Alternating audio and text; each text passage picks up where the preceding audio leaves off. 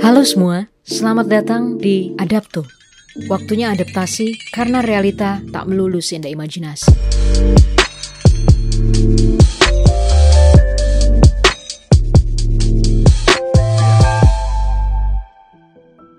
Hai kawan Adapto. Di episode pertama ini saya akan berbagi tentang topik Start with what you have. Memulai sesuatu itu biasa jadi tantangan tersendiri ya untuk setiap kita. Kawan adapto tentu pernah mengalami ingin mengerjakan, membuat sesuatu, tapi sulit memulainya. Suatu hari, teman saya ngajak diskusi tentang ide-ide yang dia miliki, sesuatu yang sudah lama pingin sekali dia wujudkan. Idenya cemerlang, namun ia tertahan untuk memulainya karena merasa belum ada cukup fasilitas, dana, waktu, dan hal-hal eksternal lainnya yang membuat dia ragu, tidak percaya diri, lalu mundur dan tidak memulai. Kita tentu juga pernah ngalamin itu kan. Namun saya melihat bahwa letak kekuatan awal kita justru pada keputusan dan tindakan untuk memulai sesuatu. Kita perlu mengenali barriers, yaitu penghalang yang menahan diri untuk mulai berkarya Ketika kita ingin memulai sesuatu, apakah itu dalam hal pekerjaan, karir, usaha, bisnis, atau sesuatu yang ingin diwujudkan, sering kali kita berhadapan dengan penghalang apakah yang datangnya dari luar diri kita maupun yang berasal dari dalam diri kita. Biasanya yang paling besar itu yang berasal dari dalam diri kita, yaitu rasa takut, khawatir, sering kan kita merasa takut bila yang dikerjakan itu nantinya tidak cukup baik, tidak oke, okay, ah nanti dikritik dan seterusnya. Yang terjadi, akhirnya berhenti sampai titik ide dan melupakan eksekusi. Adap, adap tuh. Waktunya adaptasi. Oke, melanjutkan cerita tentang diskusi saya dengan teman saya tadi. Lalu dia bertanya pada saya, Gimana waktu kamu memulai bikin karya musikmu ya, Pen? Jadi, sekilas flashback tahun 2014, saya pernah membuat EP mini album dari lagu-lagu yang pernah saya tulis. Dan kemudian itu direcord, diproduksi dengan serius uh, menjadi album yang sudah bisa didengarkan di Spotify maupun uh, physical album. Lalu menjawab pertanyaan teman saya itu, saya cerita ke dia bahwa waktu memutuskan ingin membuat karya itu, awalnya awalnya saya melihat ke dalam diri Maksudnya, apa yang saya miliki dari sisi potensi, talenta yang sejauh ini sudah saya tekuni, sesuatu yang saya sukai dan semangat mengerjakannya. Lalu saya bilang ke teman saya bahwa saya menemukan kalau diri saya mencintai hal-hal yang berhubungan dengan menulis, menyanyi, dan composing, membuat sesuatu. Dan sambil berjalannya waktu, saya juga menemukan bahwa saya senang berbagi ilmu sebagaimana profesi saya saat ini. Beranjak dari pengenalan saya terhadap potensi diri, lalu saya mulai mendapatkan inspirasi dan referensi dari buku-buku yang saya baca, dari perbincangan uh, dengan teman-teman dan mereka yang sudah punya pengalaman sebelumnya, lalu juga dari video uh, yang saya lihat dan banyak referensi lainnya yang menginspirasi. Hingga kemudian seperti connecting the dots, menghubungkan antara titik-titik tersebut bahwa dari potensi yang saya kenali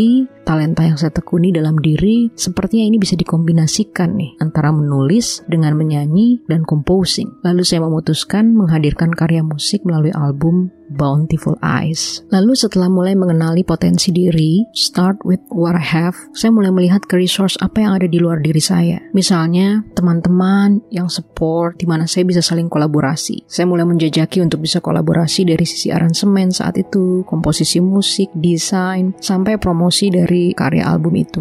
Juga yang tidak kalah penting adalah networking dan resource lainnya yang saat itu saya tekun menuliskannya. Nah, ini juga pelajaran yang cukup berarti yang masih saya saya biasakan sehari-hari yaitu bahwa ketika kita menuliskan gagasan-gagasan itu semakin mudah kita ingat dan melekat dalam benak kita. Jadi kalau kawan adapto punya gagasan jangan disimpan dalam pikiran begitu saja karena mungkin akan terlupakan. Tapi tuliskan agar itu melekat dalam benak kita. Adapt, adapto. Waktunya adaptasi. Kawan adapto mungkin pernah mendengar ikigai. Ikigai ini istilah bahasa Jepang. Ikigai berarti purpose, sesuatu yang memberikan makna, seperti ada semangat, motivasi dalam diri, dan gagasan-gagasan atau ide yang muncul itu dalam benak kita seperti beresonansi, bukan hanya sekali muncul, tapi semakin menguat untuk dijalankan. Ikigai cenderung perlahan muncul dan perlahan biasanya kita kenali. Sampai kita melihat apa ya yang penting, yang bermakna untuk saya lakukan, tapi juga bermanfaat buat orang lain. Nggak harus selalu sesuatu yang besar, spektakuler. Kita bisa mulai mengerjakan apa yang menjadi ikigai, purpose kita dari hal-hal yang bertahap dari hal kecil bisa kita kerjakan. Jadi memahami kenapa dan mengapa kita melakukannya itu bisa jadi bahan bakar awal untuk kita siap memulai dan terus maju. Kalau kita paham alasan melakukan dan memulainya, tentu kita nggak akan mudah berhenti karena terpengaruh oleh komentar-komentar orang terhadap karya kita. Adap, adap tuh. Waktunya adaptasi. Nah, how to find ikigai? Gimana kita bisa menemukan ikigai atau purpose dari sesuatu yang kita kerjakan? Kita perlu mendengarkan, kita perlu memperhatikan, dan peka terhadap apa yang ada di dalam diri maupun di luar diri kita. Pertanyaan pentingnya, gimana memulai sesuatu setiap hari? Setelah kita mengenali apa yang kita miliki, potensi dalam diri, resource yang bisa dikembangkan, lalu gimana memulai sesuatunya setiap hari? Seorang teman saya, penulis, dia pernah mengatakan, bahwa buku-buku yang diterbitkannya itu berasal dari tulisan-tulisan kecil dia setiap hari. Jadi dia mulai dari satu paragraf setiap hari, lalu bertambah menjadi dua paragraf setiap hari dan makin bertambah setiap minggunya. Atau dia juga pernah menuliskan dan menuangkan gagasan-gagasannya di Twitter setelah sekian lama itu dikumpulkan dan jadi suatu buku yang tersusun rapi menulis itu resource yang free loh kawan adapto. Keterampilan yang tentu bisa kita asah. Tapi untuk mewujudkannya kita harus start writing setiap hari.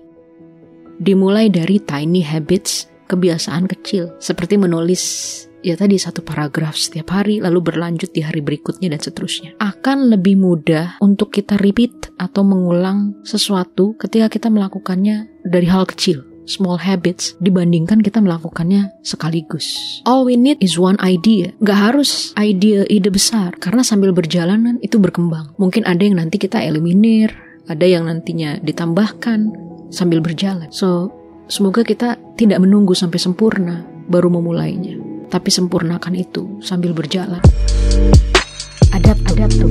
Waktunya adaptasi.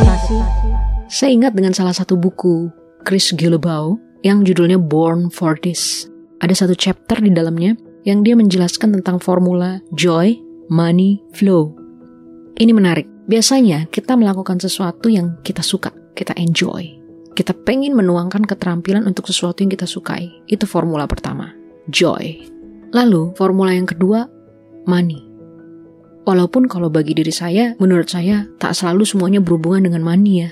Money isn't everything dan bukan hal pertama yang penting. Tapi yang menarik dari bukunya Chris Guillebeau itu dikatakan bahwa money menjadi salah satu formula karena dia bisa support dan membantu supaya apa yang kita kerjakan itu tetap sustain ke depannya. Iya, setuju.